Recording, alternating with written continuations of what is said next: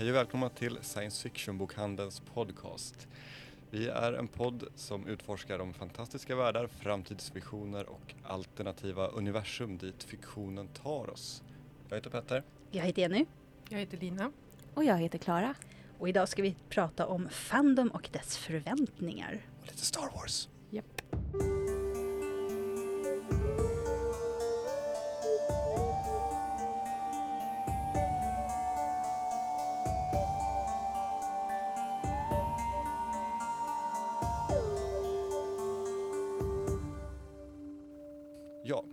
Och se vad som händer i våra fysiska butiker. Eh, det är lite skoj. Alltid bra med lite nyheter Precis. så man vet vad man ska hitta på när man är ledig. Ja, så vi kan ju börja med den 31 januari. Så för er som bor i Stockholm och är lite snabba på att lyssna så har vi Jack Werner som kommer till bokhandeln och signerar sin, en utgåva av Creepypasta. Precis, han har ju Creepypodden och han kommer prata lite om den och Creepypasta och vad det är för någonting och varför det är så bra.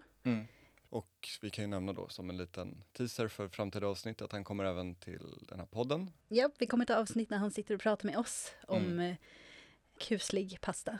Så för er som inte bor i Stockholm så kommer det finnas Jack för er också. Precis.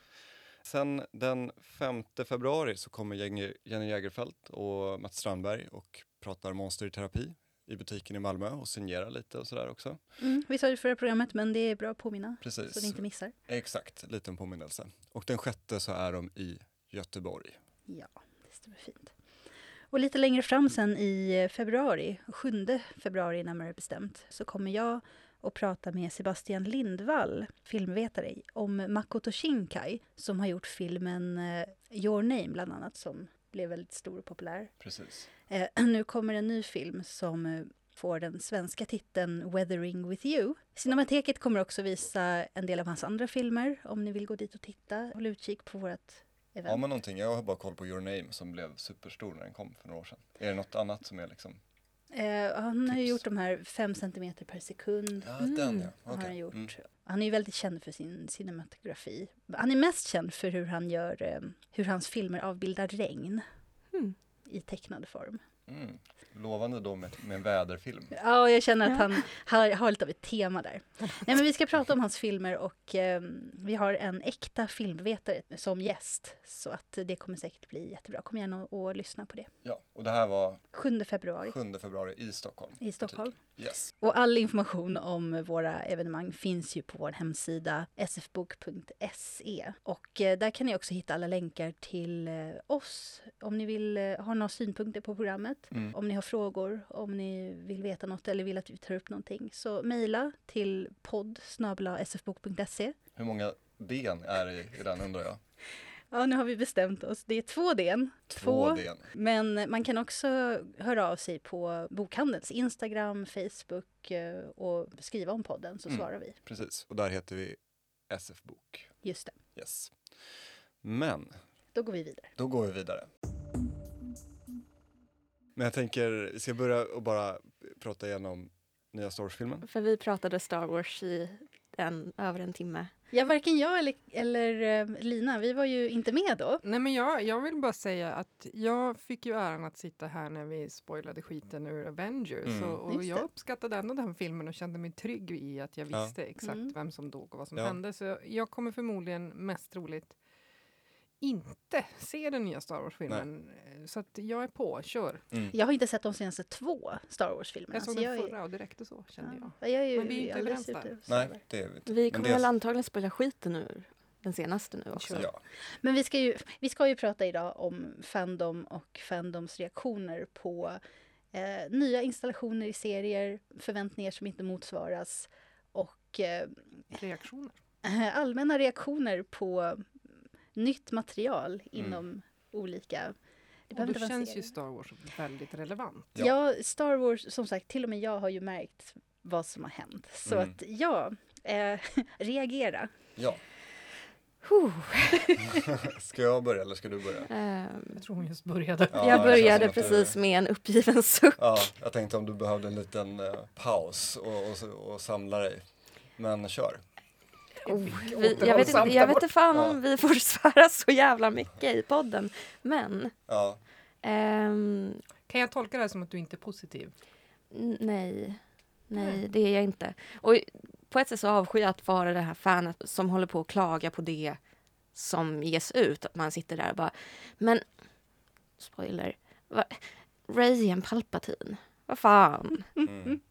Och för er som inte vet, kan er Star Wars lore så är Palpatine alltså kejsaren från eh, originalfilmerna. Som dör i slutet ja, på original, originaltrilogin. Ja.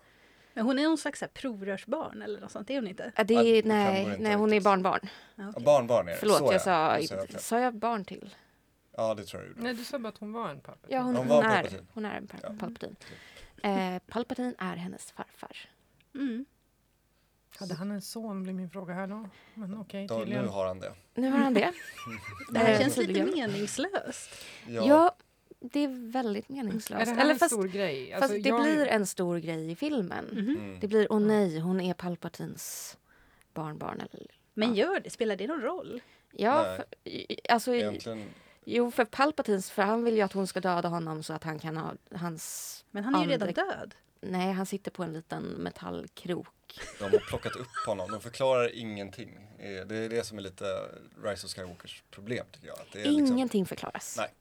Vänta, va, ursäkta. Vi behöver åt... Han sitter på en krok. Ja, en liten robotkrok. så här. eh, den här filmen Åh, börjar... de mentala bilderna jag fick Ja. där var Nej, men så- magnifika. Ja, ja men det, jag tror att de stämmer ganska bra. Åh gud ja. Alltså, jag måste ju säga, eh, Ian McDermott, jag älskar honom, han gjorde en bra Palpatine. Dock så bör inte Palpatine vara med i filmen. De har ju inga andra bra skådisar. Så. att- Mm. Känns som jag hans berättelse var lite slut liksom. Ja. Efter... Ja, och det är också om man tar originaltrilogin och prequel-trilogin som väldigt mycket handlar om profetian, om att eh, bringa balans till kraften. Mhm.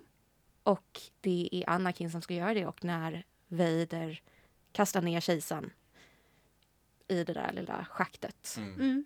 Och han exploderar i blå dimma. Mm. Mm. Till stoft. Det kommer jag ihåg rätt så bra faktiskt. Ja, Mm. De filmerna tyckte jag om. ja men de är jättebra. Mm. Eh, men alltså, det hör ju till är- saken att jag är ju och kallar mig fortfarande i viss mån ett Star Wars-fan även om det blir svårare och svårare att göra det. Det är ju bara att känna och så kan man ju bara lägga till då, men jag menar ju då originaltrilogin.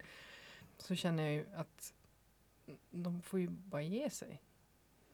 Jag kan liksom inte uttrycka det på något Nej. annat sätt. Alltså Det är det, det s- därför att det är ju den ena plotthålsfyllnaden efter den andra Mm. och sen har de fyllt en plothole eller utnyttjar någon och sen så kommer det någon ny som Mm. Mm. Palpatine hänger på en krok. Ja. Tänk att vi kan återkomma lite till eh, hur befogade de här filmerna faktiskt var lite senare. Men eh, om vi ska ta och fokusera först på kanske, alltså nu, nu var det ju, folk hade ju väldigt höga förväntningar på de här filmerna. Mm. Men eh, de har ju inte motsvarat. Alltså, Nej. folk har ju blivit otroligt missnöjda. Precis. Mm. Eh, och, men vad händer nu? Nu för tiden när det händer? Vad, alltså, det här är inte ett nytt fenomen men eh, ja, det känns, tycker jag, lite som att eh, just nu så blir reaktionerna inte bara enormt stora utan också de når fram Mm. till författarna på ett annat Mm. sätt. Det är det som jag gjorde att jag kom att tänka på lite temat till det här. Ja. Att för Rise of Skywalker är exakt det. Ja. För Episod 8 Last Jedi kom och eh, vissa fans blev väldigt verbala i sitt missnöje och att det var så här, det här är nytt och usch och blä och vi vill inte ha det här. Mm, mm. Och då fick Disney lite kalla kårar och var typ så här, shit vi måste försöka ge fansen vad det är de vill ha. Just och sen det. så har de försökt att göra det men det blir liksom bara som ett havsverk. Liksom, som en, Det Alltså, blir grejen också... är, he, hela den här saken, jag har ett, ett antal problem med det här. Nummer ett är, det går inte att göra alla fans nöjda. Nej. Punkt. Exakt. Det, det är bara, gör det du vill Mm. och sen så får du bara stå för det och konstatera, okej jag kan inte göra alla nöjd. Mm. Nummer två, jag har inget problem med att folk har förväntningar. Jag har förväntningar på Mm, saker mm. och de blir inte alltid uppfyllda. Och, men det jag har jätte, jättesvårt med det är att någonstans har vi kommit till en punkt där folk anser sig berättigade till Mm. det de vill ha. Och det gör mig också så här, för som sagt, jag är, var, jag har inte riktigt kommit fram till vad jag är nu, men jag var ett stort Star Wars-fan. Jag älskade Star Wars-filmerna, jag såg dem om och om igen. Sen kom eh, den prologtrilogin och jag var Mm. lite så här, okej det här var ju inte jättebra. Och sen kom den här och nu är jag bara så här, nej, det är inte bra. Men Mm. det spelar, jag tycker fortfarande om de första och vill jag se Star Wars och se Mm. dem. Jag har ju inget behov av, vilket motsägs av att jag nu sitter här och uttrycker det. Men jag har inget behov av att slå in i huvudet på folk, nummer ett, att jag har rätt i mina åsikter, vilket verkar finnas ett enormt behov att få medhåll. Mm. Eller nummer två, skicka arga meddelanden till allt jag kan hitta på internet. Ja. Mm. För jag tycker att eh, där har man ju två skilda saker. Mm. Eh, en sak är ju eh, med andra fans dela sina reaktioner. Det är ju, har ju alltid Ja men det Var är det ju så? Och även på internet förr så har det ju varit så att folk pratade med varandra och folk tyckte att ja, det här var dåligt och mina förväntningar eh, uppfylldes inte. Ehm, den här och det här och det här borde de ha gjort annorlunda och så vidare. Och så vidare. Men fansen pratade med varandra. De skickade inte arga meddelanden på samma nivå till författarna. Eller skådespelarna, om man tar till exempel Last Jedi. Eh, hon som spelar Rose, Ja. Kelly Marie Tran. Hon råkade ut för sån stor liksom, hatstorm och mobbing. Ja. Inte riktigt för vad hon hade gjort utan väldigt mycket var ju också baserat på att hon är vietnames-amerikan. Ja, i alla Eh, fall var det ju väldigt mycket det som dök upp i liksom glåporden som Ja. hon fick, Ja, glåporden. Och hon fick ju stänga av sina sociala medier. Ja. Ju För att det blev alldeles för tungt. Det var ju samma sak med, och igen den här kan man ju tycka vad man vill med, men den eh, remaken av, av Ghostbusters med Mm. kvinnliga Ghostbusters så var det eh, eh, Leslie Jones som var med i nyversionen av Ghostbusters. Hon var också tvungen att stänga av sina sociala medier och grejer på grund av de extrema rasistiska påhoppen. Mm. Vilket var dels att folk tyckte filmen var dålig och dels att de tyckte att det inte var nödvändigt med en, en kvinnlig version av den och så vidare. Och det var tydligen bara hennes fel. Mm. Väldigt många av de påhoppen var ju också innan den Ghostbusters-filmen hade haft premiär om jag minns Ja men så, såna har det ju hänt. Alltså, det är ju också det här. äh, Ja, det är oftast värst innan tycker Ja, jag. ja, det är samma sak med Oftast, inte alltid. Mad Max Fury Road var ju Ja. också alldeles absurt med Mm. alla män som uppenbarligen inte hade sett dem tidigare och påpekat att det var konstigt att det var så starka kvinnliga karaktärer, vilket det Mm. alltid har funnits i Men de tystnade Ja. ganska snabbt efteråt för den filmen var ju helt fantastisk. Och Ja. till och med, alltså till och med dem hade inget att säga efteråt. Mm. Förutom att det var ologiskt att hon kunde ge honom stryk. Ja, precis. Allting annat är ju så logiskt. Ja. Precis. Till skillnad från alla andra logiska Ja. saker i just Mad Max Fury Road. påstår ni att det är ju en ologisk? Och en kvinna kan inte göra så. Nej, nej. Vadå? Det är ju bilar med. Folk, folk Ja. väldigt Nej, hon märklig upp... spelade ju upp Mad Max också. Ja, var det det som var den Ja, huvudsakliga? det var det de hade Ah, mest. ja, För det var med i trailern tror jag. Ah, ja, okej. Mm. Men folk har väldigt märkliga uppfattningar om liksom, hur mycket styrka som behövs för att göra vissa saker. Jag menar, Ja, I det det, här fallet så, så var min, min förvåning låg i att har man sett de tidigare Mad Max, om vi bortser från den första för den är väldigt speciell. Ja. Fantastiskt bra Ja. vill jag poängtera, men den är ju lite utanför det verset så att säga. Men det är ju jättemycket jättebra kvinnoroller i de filmerna och var redan tidigt. Det var oftast kvinnorna som tog kommando och styrde och han bara råkade vara med. Mm. alltså jag tycker fortfarande att den största ikonen från Mad Max, klassiska Mad Max är Tina Turner. Ja. Ja men där var det ju även hon den andra unga tjejen som bara vägrade lyssna på vad män sa åt henne och vandrade Mm. iväg. Alltså från de här barnen. Så var Just det, det, hon just som det. tog kommando och bara... Mm. Men det är fortfarande så när, när folk säger Mad Max så tänker jag Tina Turner. Och så ser jag hennes Ja, ja, i håret örhängena. Exakt. Ja. Visst. Har hon inte någon klänning också? Ja, med Eller den som är med, konstiga- Ja, just det, ja. exakt. Ja. Det var exakt det du sa. Alla kommer förstå vad Ja. vi menar. De där grejerna som är Ja. axlarna som också är silvriga. Men Ja, jag tror att alla har den här bilden i, Ja, i ja. bakhuvudet. Den är nästan det är nästa... genetisk. Bästa Tina Turner-låten också. Ja. Men eh, i alla fall, det, det jag ville ha sagt var ju då att eh, reaktionerna, de har ju blivit väldigt personliga. Mm. Riktas mot författare, riktas mot skådespelare och så fort skådespelaren är kvinna eller inte Europaättling i Mm. USA så blir det ju otroligt rasistiskt.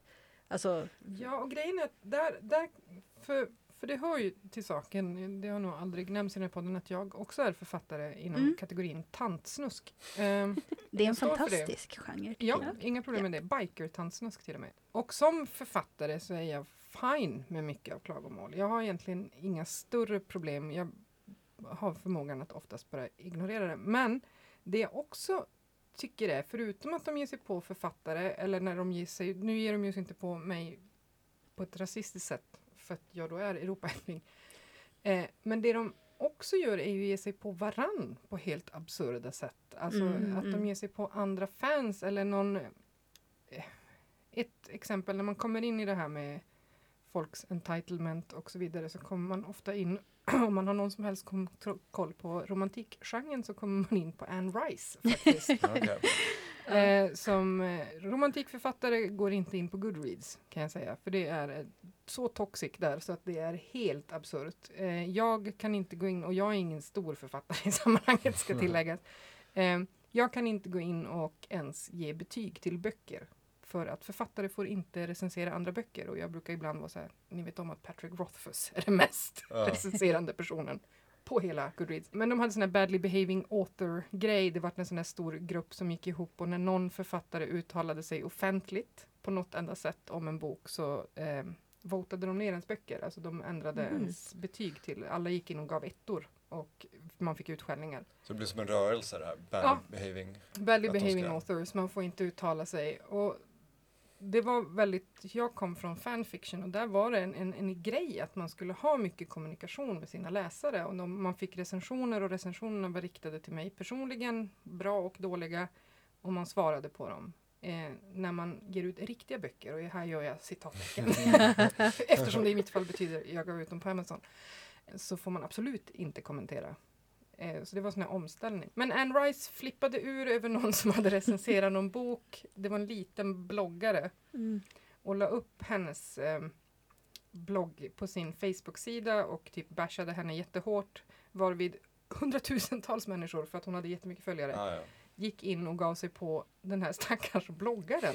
Hon blev väl doxad också? Ja, det var jättehemskt. Ska vi förklara vad doxing betyder Ja. i Fandom? Ehm, Det betyder alltså att ens eh, riktiga namn och adress i värsta fall blir avslöjade för, eh, ja, för, för alla andra i Mm. Det är inte Fandom. bara i Fandom man säger det också, men Ja, det är men det det i, betyder. ja, Ja. i det här fallet var i det det här Fandom. det Blottad online. Ja, Ja, det kan man blir säga. outad där man faktiskt är. Nej men alltså poängen är att det finns en, en, en jag, kan, jag kan förstå om man ger sig på författare eller den som har skrivit eller regisserat eller whatever. Jag är inte nöjd med din produkt inom måttliga...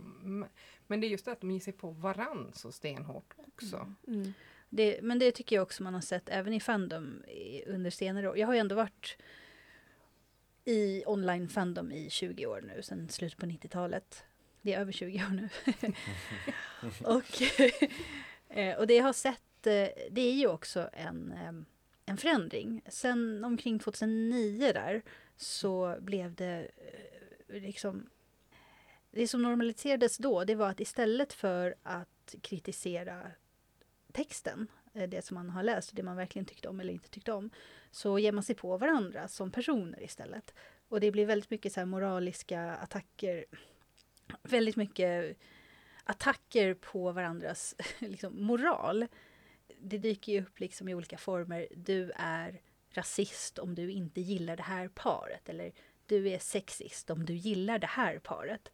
Och sådana saker. Det är ju helt normalt nu. Eh, Det är så komplext. Det här är ju varför Ja. jag liksom inte ens orkar engagera mig. Nej, men det, är där, det som jag tycker är kärnan i det här det är just att um, personliga påhopp Mm. har vuxit extremt mycket. Och eh, ja, jag tycker man ser det som i Star Wars då, men även i andra fall som vi nämnde, att man ser det väldigt mycket att folk ger sig på direkt skådespelare, författare. Det, det är ju också, man kan ju tycka vad man vill om Steven Moffat. Jag förstår att man kan hata hans författande, även om inte jag gör det. Men han eh, stängde också av sin Twitter för att han fick eh, mordhot. Mm. Mark Gatiss, som är hans författarkollega, som han skrev, skriver väldigt mycket med, fick ju göra detsamma. Mark Gatiss, som är gift med en man, då, fick ju väldigt många anklagelser för att vara homofob, Mm. för det han skrev. Vilket säger- jag säger inte att man inte kan vara homofob om man eh, själv eh, föredrar sitt eget kön, för det kan, det kan man visst vara. Men i det här fallet så, alltså det var det var inte rationellt och det var inte har det- särskilt befogat. Sen har det kommit till någon sån här absurd... Dels är det ju att, att det blivit otroligt egocentriskt allting. Jag ska Mm. få det jag vill ha från de här sakerna och annars har jag rätt att känna mig personligen kränkt. Mm. Om Mm. du inte tycker som jag gör så är det du som måste ändra din Mm. Mm. för att passa in i min moraliska samhällsbild Mm. eller whatever. Och sen är det också att det finns en total avsaknad av förståelse för att bara för att jag har skrivit någonting så betyder inte det nödvändigtvis att det är någonting jag tycker. Alltså mina böcker, eller vem som helst författares böcker, skulle ju vara sjukt ointressanta om alla karaktärer hade mina åsikter, min världsbild och mitt sätt att se på saker. Det blir ju helt Mm. Lite absurt. monotont så. En smula, Ja. jätte, och så intressant är typ ingen person Nej. faktiskt att man kan skriva en bok med 14 olika karaktärer som alla tycker och sitter och dricker te och håller med varandra. Alla bara ja. ja. Precis, det är Mm. helt rätt. Absolut, Mm. så är det. Mm. Och då, då måste jag personligen stå till, svars för vad mina karaktärer tycker. Och det, det är otroligt begränsande att skriva Mm. ur de förutsättningarna. Att Och det som jag måste nu... sitta och kolla upp allt. Ja, men, och, det, och det är också, Förlåt. jag bara kom att tänka på när jag läste litteraturvetenskap för hundra år sedan, psykoanalys av författaren genom den personens karaktärer. Som liksom, då tar man bort det här steget att det här är någon som har hittat på någonting. Precis. Och det kanske inte är ett uttryck för ens innersta, Personliga moral. Liksom, Nej. personliga moral eller innersta sy, liksom, Syn på etik. Ja. Ja. Alltså jag skriver om bikers. Ja. Ja. Jag tycker inte att det är bra människor. Alltså förlåt, nå, nu menar jag, jag skriver om inte laglydiga. Men, Ja. men det, här är ju, det här är ju extremt utbrett nu i, i Fandom. Då är det inte så bara du är vad du skriver, det är också du är vad du läser. Till exempel Ja, ja. gillar man... Alltså. vi har nått dit, absolut. Mm. Absolut. Eh, gillar man, om vi ska återkoppla till Star Wars till exempel. Eh, gillar man Kylo Ren och Reylo som par. Då är man liksom värre än en brottsling som har begått riktiga mord. Alltså man borde typ sitta i finkan. Ja. Nu, nu jag och min bristande Star Wars-engagemang. Kylo Ren var, är det han i svarta han eh, kläder? emo, eh, Emo, emo ja, okej. Adam Driver. Adam Driver. Jag gillar ju han som skådis. Han är, han är jättebra. Jag tycker han är väldigt bra i, i filmerna också. Ja. Han gör nog det han kan med materialet, eller på att säga, för Ja. att vara diplomatisk. Ja. Jag tycker att han är bra. Jag gillar honom också i, i det här. Men Girls, han, ja, framförallt. Girls. Girls och Marriage Story. Ja, den har inte jag hunnit se. Inte heller. Vi lämnar den, för annars Ja. kommer vi hamna i en lång diskussion om den. Ja, vi har inte tid med, med fler parenteser nu. Vi får prata om hans filmer i ett annat Men- avsnitt. Ja, Alltså- det- ja. Eh, det får man inte göra alltså. Nej. Nej, alltså det, det, är, det är extremt utbrett att eh, ja, men anklaga föran- varandra för olika, olika typer av fördomar eller olika typer av brott, liksom, för att man gillar det här paret. Och då tycker jag att det är absurt. Alltså det här är ju, nu hamnar vi i romantikträsket ganska ofta här. Men, Men, det här handlar ju väldigt mycket om Ja romantik. precis, för jag Ja, det att det är ofta det som väcker de starka känslorna. Liksom. Ja, för att det som var väldigt... Jag har hör till saken, jag har aldrig läst mycket romantik. Jag har inte, av någon anledning så tyckte det var roligt att skriva och många tyckte det var roligt att läsa det. Sen kan vi diskutera om det är för att jag faktiskt inte bryr mig om romantik som det blir bra. Men, eh, Jag har läst faktiskt flera hundra romantik, romansböcker Oj. när jag var yngre. Ja. Jag hade några kompisar som prenumererade så att jag kan eh, allt om Harlequins historiska romantik eh, berättelse, vad de använder för grepp. Det är lite så här, har man läst en så har man läst Ja, alla. nu, det, här, inte- det här ja. kommer jag faktiskt in på Harlequin. För, Ja, för, för en stor grej där, och det här eh, spillde över till den genren jag skrev i. Och saken är att folk anser sig så berättigade att man får, även som en självpublicerande författare, mail med beställningar. Mm. På riktigt! Jag vill att du skriver en bok och det är viktigt för mig att de här sakerna finns med. Och man blir att det kanske är bra om du skriver den själv. För att jag är inte så intresserad av de här grejerna. Och eh, väldigt populärt inom den, det var vanligt i de här historiska vet jag, där jag kom över till bikers, det är ju den här Eh, det hette något speciellt och det är inte body rippers utan den här när de i princip kidnappar en kvinna och helt plötsligt kommer hon på att hon är kär i den personen och sen har de jättemycket sex. Det är lite Stockholmssyndroms... eh, Det är väldigt Stockholmssyndrom och jag eh, mm, har lite problem med de här. men Jag tycker att det är lite så här rape eller rape Fast ute. fantasy, Fast, Mm. eh, Jag gillar inte det heller. Alltså, men jag, det finns de där det faktiskt seriöst Ja. börjar med våldtäkt och sen blir det jätteromantiskt. Och man bara, det här är inte romantiskt Nej, det, det, alls. Det är jätteobehagligt. Och det men för den sakens skull så antar man ju inte att de som gillar att läsa det skulle Är vilja uppleva det själva. Nej, det- det är och lite framförallt så skulle jag liksom aldrig svara tillbaka you're a crazy rapist. Nej, Go die. Nej, men det är många som gör det Ja. nu för tiden. Och det här, det, det dyker upp väldigt mycket i Raylo som de kallar det för. Ja. Alla, allting ska ju vara en så här sammansmältning. Mm. Eh, nej men om du gillar Raylo så tycker du att det är okej att misshandla din liksom sambo eller den som du är tillsammans med. Till exempel. Ja. Nu Mm. kan vi ju lägga till att det faktiskt blir de, jag vet inte om man kallar det, att de får varandra i, Det i är den här en- filmen. Det är en liten kyss innan De han dör. lite, Ja, kort. snabbt. Men det känns som att det är för att de vill till, liksom så här, de vill gå, som vi- pratade om tidigare att Rise of Skywalker blir, alltså det är ett sånt bra exempel på när man vill försöka, Gå alla till mötes men det Exakt. går liksom inte. så då är det så här, då har de en puss kort. Eh, och sen så, spoilers, så dör han. Mm. Eh, Men ska, då- vi, ska vi prata om det lite? Så här, när, är, när är den här kritiken från fans befogad? Nej. För det kanske vi glider in lite på nu. Alltså en grej, jag, jag ska tänker ja, ja, ja. Jag tänker lite grann det som anknyter till det du Lina pratade om också. Att man får den här entitlement för att det är vissa skapare som går fansen till mötes till viss del. Och då blir det den här konstiga grejen om de ska gå till mötes till lite men inte till allt. Då, då, jag tror att det också kan skapa en sån här grej att man tycker att man borde få mer än vad man fick. Samtidigt så kan jag också tycka mm, befogad och befogad, men all kritik är väl befogad. Om jag inte Mm. tycker om filmen så tycker inte jag om Nej. filmen. Det är väl ingenting jag ska behöva försvara. Men jag tänker lite, Ja, men det är väl- mer när det- fans det är mer- kräver att det här skulle ha Ja, och det är det, Det jag menar. väl- Kritik är en sak, men när man, när man kräver att någon annan ska ändra.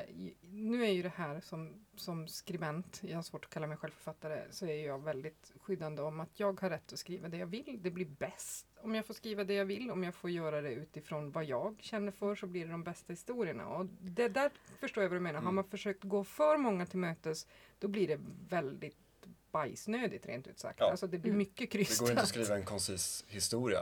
Mm. Nej, Om man ska framförallt försöka- så har man, om man sitter och, om, om någon säger till dig du ska skriva den här texten och det ska handla om det här och de här känslorna ska förmedlas så blir det lite så här, uh, okej, Du har- ja jag skriver det väl då. Men om man däremot säger det här, du ska utveckla den här berättelsen och kör hårt så kan man, kan man få någonting väldigt bra. Men, Till men, exempel Last Jedi var utveckla det här, kör hårt. Han Mm. gjorde det, det blev skitbra. Nu, jag håller inte med. det är ett Men annat igen, och det, det är det jag menar, kritik kan väl vara befogad. Man får väl Ja. kritisera det vad man tycker om det. Det är mer att man därmed anser sig ha rättigheter för Men jag att måste man ju inte säga det också att- det. Jag måste säga det också att eh, all kritik är ju inte befogad. Nej. För ibland är ju kritik, du skrev det här, men du har inte skrivit det där. Alltså, jag tyckte det var så dåligt. För att jag Att- inte fick med det jag ville ha. Ja, eller så, jag tyckte Ja. det var så dåligt att det var Harry som mördade professor Dumbledore. Och man bara, mm, det var inte det som hände. Jaha, men då är man ju bara ja. trög. Ja, Alltså, men förlåt. det- Men det, bara, men så hände, det var inte så det Det var inte så det till. Det, det ja, det finns... känner jag väl bara att... Men det finns mycket sån kritik. Alltså det, finns, det, det här är ju ett, extre, ett exempel som är väldigt lätt att säga att det här hände Mm. inte. Mm, men- men det, fin- ja, det, Det finns ganska mycket kritik som går ut på att du har skrivit någonting men den som har läst det har bara typ hoppat över en mening eller eh, de har Mm. tittat på någonting och så har de du, gått iväg och gjort något annat och missat en scen. Liksom. Mm. Sådana saker. Och sen, händer. Precis, men i tolkningen så kan det ju uppstå alla människor ser ju saker utifrån sin egen synvinkel och där, det är ju där det kan bli lite Tolkningen kan ju vara, ofta är väl de befogade. Sen tycker jag. Ibland också att det är...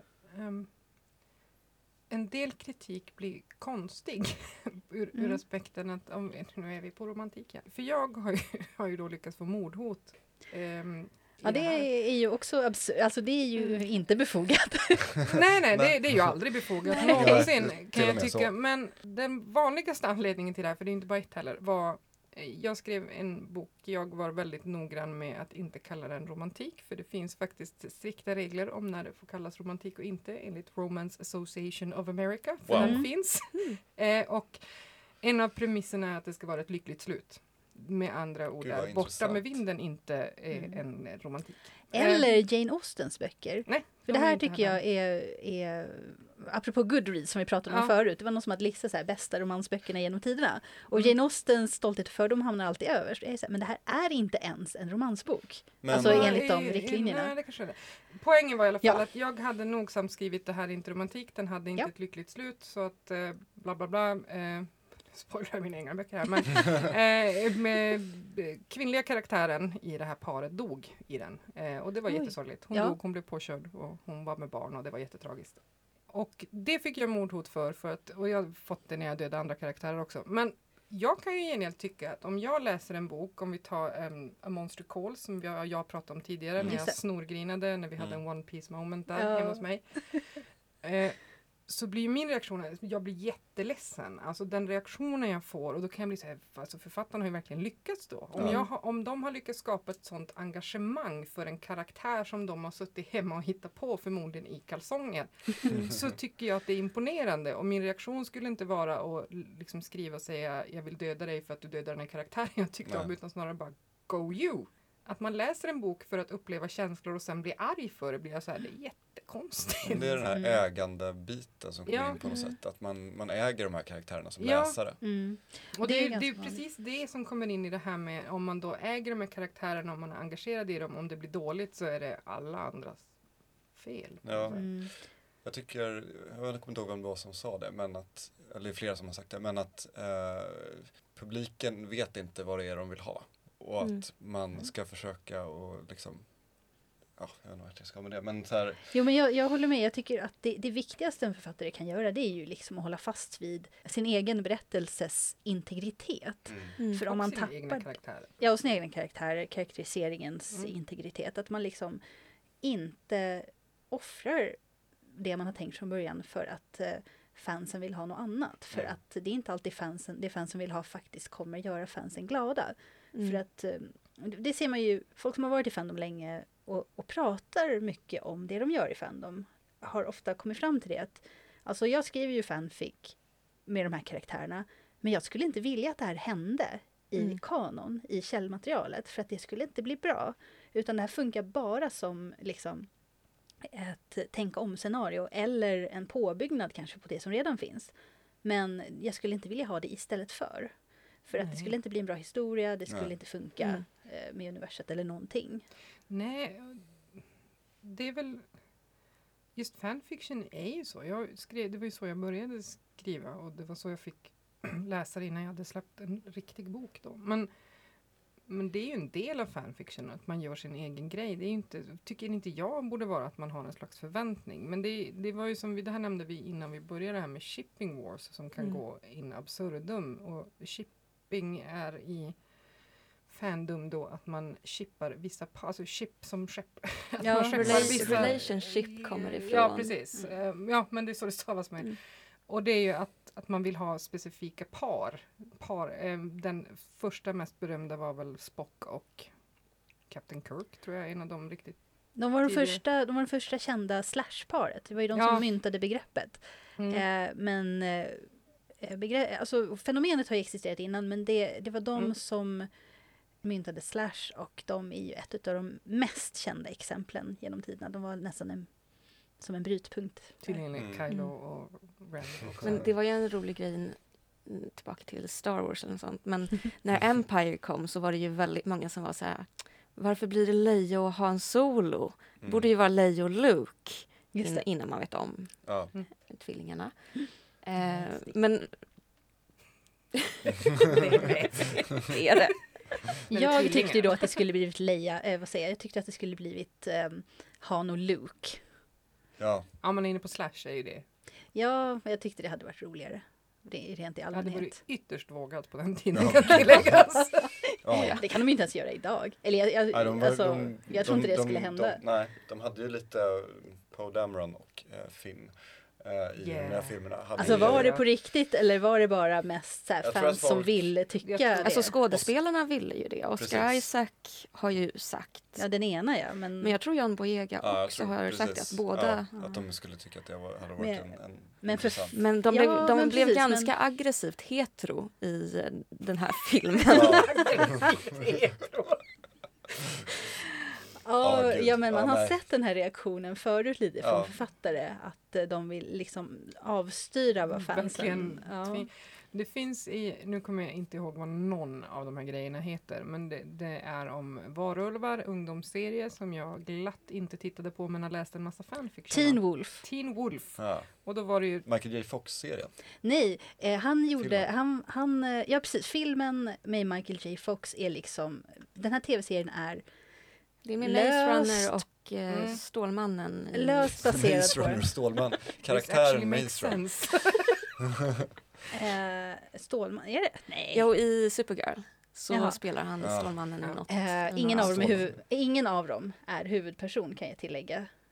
I I vilket fall, helt Wolf. bortsett Finns från... som ja, tv-serie. Finns som tv-serie. Yes. Eh, Jag läste eh, fanfiction, eh, har aldrig försökt att se tv-serie. Mycket, mycket tappert. Tyckte inte den var bra för att jag tyckte mycket fanfiction i den av någon anledning. 95, 99, mycket hög andel av fanfiction är inte bra alls. Jättedåligt. Nej, Finns, det, den har ju inte genomgått någon redigering alls Nej, för det mesta. Men ibland hittar man små guldklimpar och av Mm. någon anledning råkade jag hitta någon guldklimp där och så kollade jag upp de här skådisarna och de var väldigt chippade, det paret, Mm. i en, två personer i Teen Wolf. De som har sett Teen Wolf och läst det här kommer förstå precis vad jag menar. Men grejen var att de spelade på det jätte, jättemycket på sina privata Instagrams. Ja. Så Ja, alltså, det var en jätterolig grej. Jag tror aldrig de blev ihop i serien. Nej, seriens författare var inte beredda att skriva något sånt. Nej. Mm. Nej, men det, det är fortfarande på den nivån att man liksom... Även i, i den tid vi lever så kan man inte förvänta sig det av en amerikansk storfilm eller en amerikansk mainstream-serie på en kabelkanal. Det är liksom... I alla fall inte huvud, huvud, eh, Inte huvudpersonerna... karaktärerna. Det finns ju en... När det händer då är det liksom förberett. Mm. Liksom, det här ska handla om en gay-person. Då, Mm. då går det bra. Men inte liksom personer som allmänheten först kan ha uppfattat som straight, för då är det kört. Ja. Men för att återgå till eh, när kritik kan vara befogad, då, som vi har pratat lite om nu, det är ju, vi har ju sagt det i första hand när författarna inte har behållit sin, sin berättelses integritet när de har liksom gått fansen till mötes. Men det händer ju faktiskt också att författare gör dåliga val. Ja, ja, herregud. Mm. Det, Det känns som du har ett exempel på lager. Eh, jag, jag vet inte, ibland så... Det här är ju lite svårt, för ibland så tycker man att nej, men författarna gjorde ett dåligt val. Eh, jag är ett fan av Doctor Who, som ni alla vet. Va? Ja, Vänta, va? ni kanske Har ni hört det här att hon gillar Dr. Who? Ja, Aldrig. Nej. Ja, men, Nyhet. småfall. Ja. ja. Eh, fjärde säsongen i eh, nya, moderna Doctor Who. Och det här, den här är alltså rätt så gammal, jag tror att den kom ut 2009. Är det här med Tennant? Ja. David Tennants Ja. sista det. riktiga säsong, Jag kan man gillar säga. också Dr. Who, kan tilläggas. Ja, jag också Tennant är min favorit. Det här är alltså säsongen med Donna. Mm. Mm. Ja, Hon var kul, jag gillade dem. Jag Ja. gillade Donna jättemycket, hon är en av mina favoritföljeslagare. Eh, och nu tänker jag spoila slutet på säsong 4, så alla som inte vill se den hoppar fram några Den kom ut för minuter. 12 år sedan. Har ni inte sett den får ni skylla er själv. Skärp er.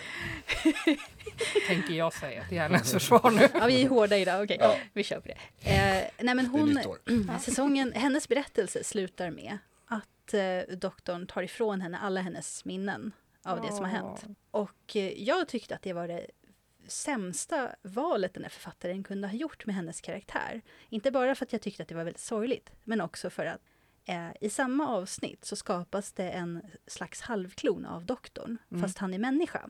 Eh, och han har också delar av Donna i sig för att energin, det blir lite energi mellan dem. Det är han Rose får va? Ja, alltså det, det är också inte bra. Nej, jag vet. Det är också sämst. Särskilt när man säger det så. Det är väl han Rose inte Ja, hon fick en Ja. kopia av doktorn som inte är doktorn. Han, han är bara en klon av honom. Hur kan jag ha glömt det här? Det känns för som Fast det är så- Ja, för tänkt tragiskt. Här får du en lite sämre kopia av mig. Ja, Är du nöjd nu? precis, Så. I avsnittet så säger de att eh, Donna kan inte få behålla sina minnen och vara liksom doktor Donna. För att hennes hjärna skulle typ explodera för att det är för mycket för den mänskliga hjärnan. Men det går jättebra för den här doktorklonen. Fast han också har en mänsklig kropp och en mänsklig hjärna nu. Hade han alla minnen? Ja. Det är därför han, eh, det är därför liksom han är en ersättning för doktorn till Rose då, för att han har... Alltså, det är jättetragiskt när man har samma... Han, är, han är väl doktorn fast en mänsklig doktor? Ja, han är, han är doktorn med en människokropp, Ja. precis som Donna. Mm. Men hennes hjärna exploderar om hon har den kunskapen, men inte hans. Det är, en, det är ologiskt de i världen. Nej. Liksom. De Nej, det, det det, här. det är jättelänge sedan jag såg Eller det de här är förklaringen. Eh, de, de förklarar inte honom överhuvudtaget annat att han är en, liksom den här kopian som Rose ska få som plåster på såren för att hon inte får doktor. Alltså det är, jag tycker också synd om Rose i det här fallet. Eh, jag tycker Jag hennes... vet, du får den här. Och jag tror hennes enda påpekande är att han bara har ett hjärta. Men bortsett från Ja. det. Ja. Eh, jag, jag tyckte att i stort sett alla val som gjordes de sista tio minuterna i det här avsnittet var liksom Det var för övrigt också ett One Piece av eh, reaktionsgrej för mig när de skildes åt. Ja. Doktorn och Rose. Gud vad jag grät. Ja, Ja, eh, i, Mm. eh, i säsong... Långt innan då när de faktiskt separerades. I säsong de- två, ja. Det var de jättebra. Varsin, var det Ja. säsong två redan? Det det var. Ja, när de står på varsin sida av väggen. Just det. Det var det. Men jag tänker det här är en typ av kritik som är att någonting i själva historien hänger inte ihop. Det är När det är historiens ja, inre logik. Ja. Medans, och då kan det vara befogad kritik. Att det är liksom, men har du glömt den här grejen med den här karaktären som är jätteviktig och sådär. Medan Men jag typen av också- kritik som är riktad direkt mot personer, typ Mm. skådespelare, skapare och sådär. Den här personliga kritiken, den, den är ju väldigt obefogad. Fast Ja, ja, och och det det här- taskigt mot Donna. Ja, men- ja, men, Ja. men det är taskigt mot Ja. Donna men också det är ologiskt eftersom doktorn har en mänsklig hjärna. Ja. Den doktor, doktorkopian. Ehm, Ja. typ. Eh, men, men också, här, här ser man ju också, det är väl stor skillnad mellan eh, attackerna på Russell T Davis då som hade den här säsongen. Han hade de första fyra säsongerna och sen specialsäsongen och sen tog Steven Moffat över.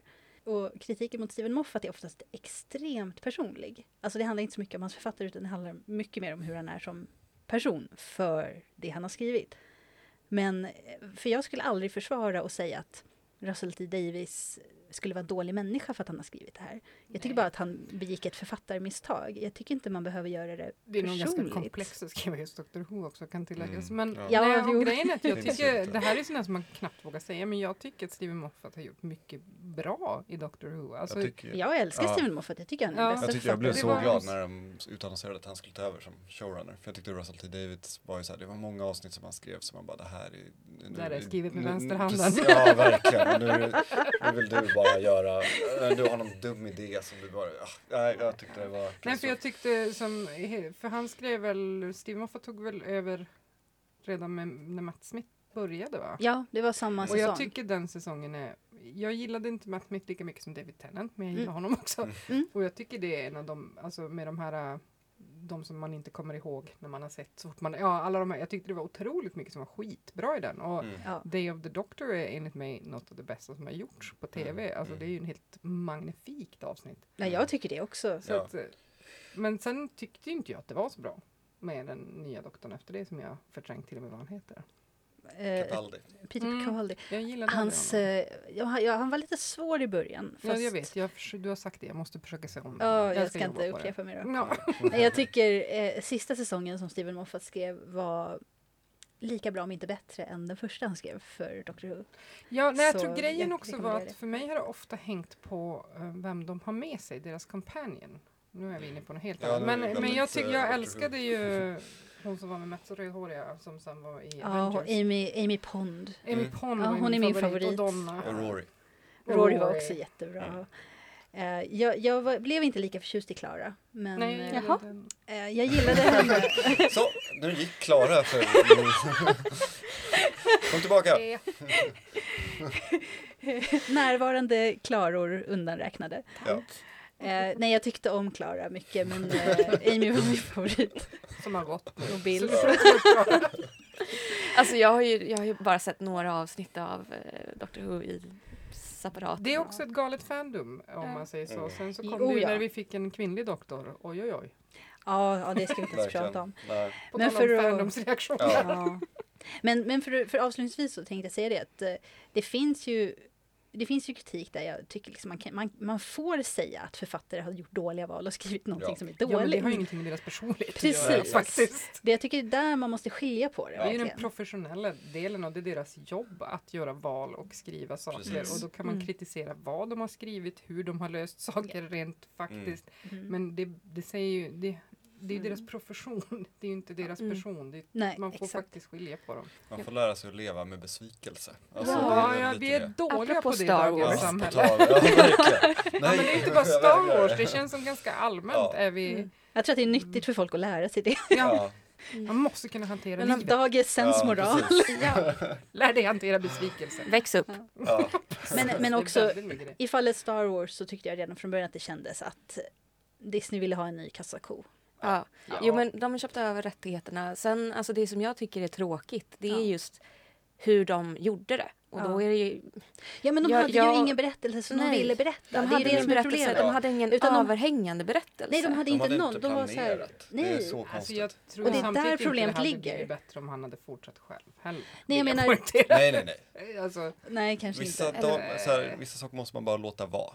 Eh, bara, Liksom, touchy. vi, vi, har, vi hade trevligt. Men, eller om någon, om någon hade en extremt bra berättelse som de ville, ville berätta och därför ville starta igång en ny film, Mm, eh, filmtrilogi. Och inte som det var nu, att ja, vi kan tjäna massor med pengar på en filmtrilogi så vi gör den. Vi kommer Mm. nog på något bra historia. Precis. Man bara, mm, inte så bra. Det är lite som så här, jag tänker mycket på, vad heter det, man lekte när man var liten, när man ritade en gubbe och så vek man över och sen så, Ja. så, här, så drog man över.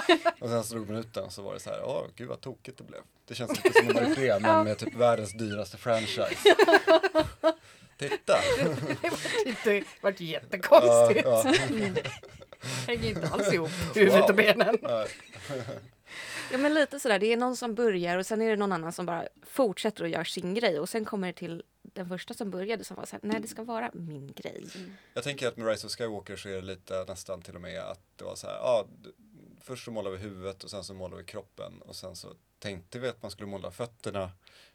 Men då med Rise of Skywalker så var det så här, men jag vill göra huvudet igen. Typ. Alltså så här, liksom, Mm. jag tänker inte fortsätta på det vi har börjat ens, utan det jag ska hade bara ju göra en helt ny grej. Också var det en sak, men eftersom de däremot också då tagit med i beräkningen om allt som alla ville ha och försökte på något sätt antingen eh, radikalt heteroisera allting eller bara följa, så vart det ju ännu mer fel. Det var ju som Mm. sådär, vi ska fötterna men nu behöver vi ha 72 tår så att Ja, vi kan precis. uppfylla allas idéer om vilken färg det ska Ja. vara på naglarna. Gud vad vi tog den här referensen Ja, av, känner verkligen. jag, men- Ja, det är, ja, Om vi ska eh, avsluta våra liknelser och programmet då, Ja. med de orden. ja, Eh, tack för att ni ville vara med idag. Lina Tack och själv. Klara. Det var roligt. Tack. supertrevligt att ha er här, som alltid. Ja, förutom Klara. Nej, jag upptäckte det. Jag var Jo, inte men nu har vi bestämt att vi gillar Klara. Vi gillar Klara, Tack. både i Doctor Who och i verkligheten också. Och eh, vi hörs igen då om två veckor. Vi är tillbaka om två veckor, då blir det Creepy-podd. Precis, med Jack Werner. Ja, eller det blir inte Creepy-podden, men det blir Creepy-pasta med Jack Werner. Ja, så blir det. Väl mött! Hej ha det då. bra! Hej då! Hej då.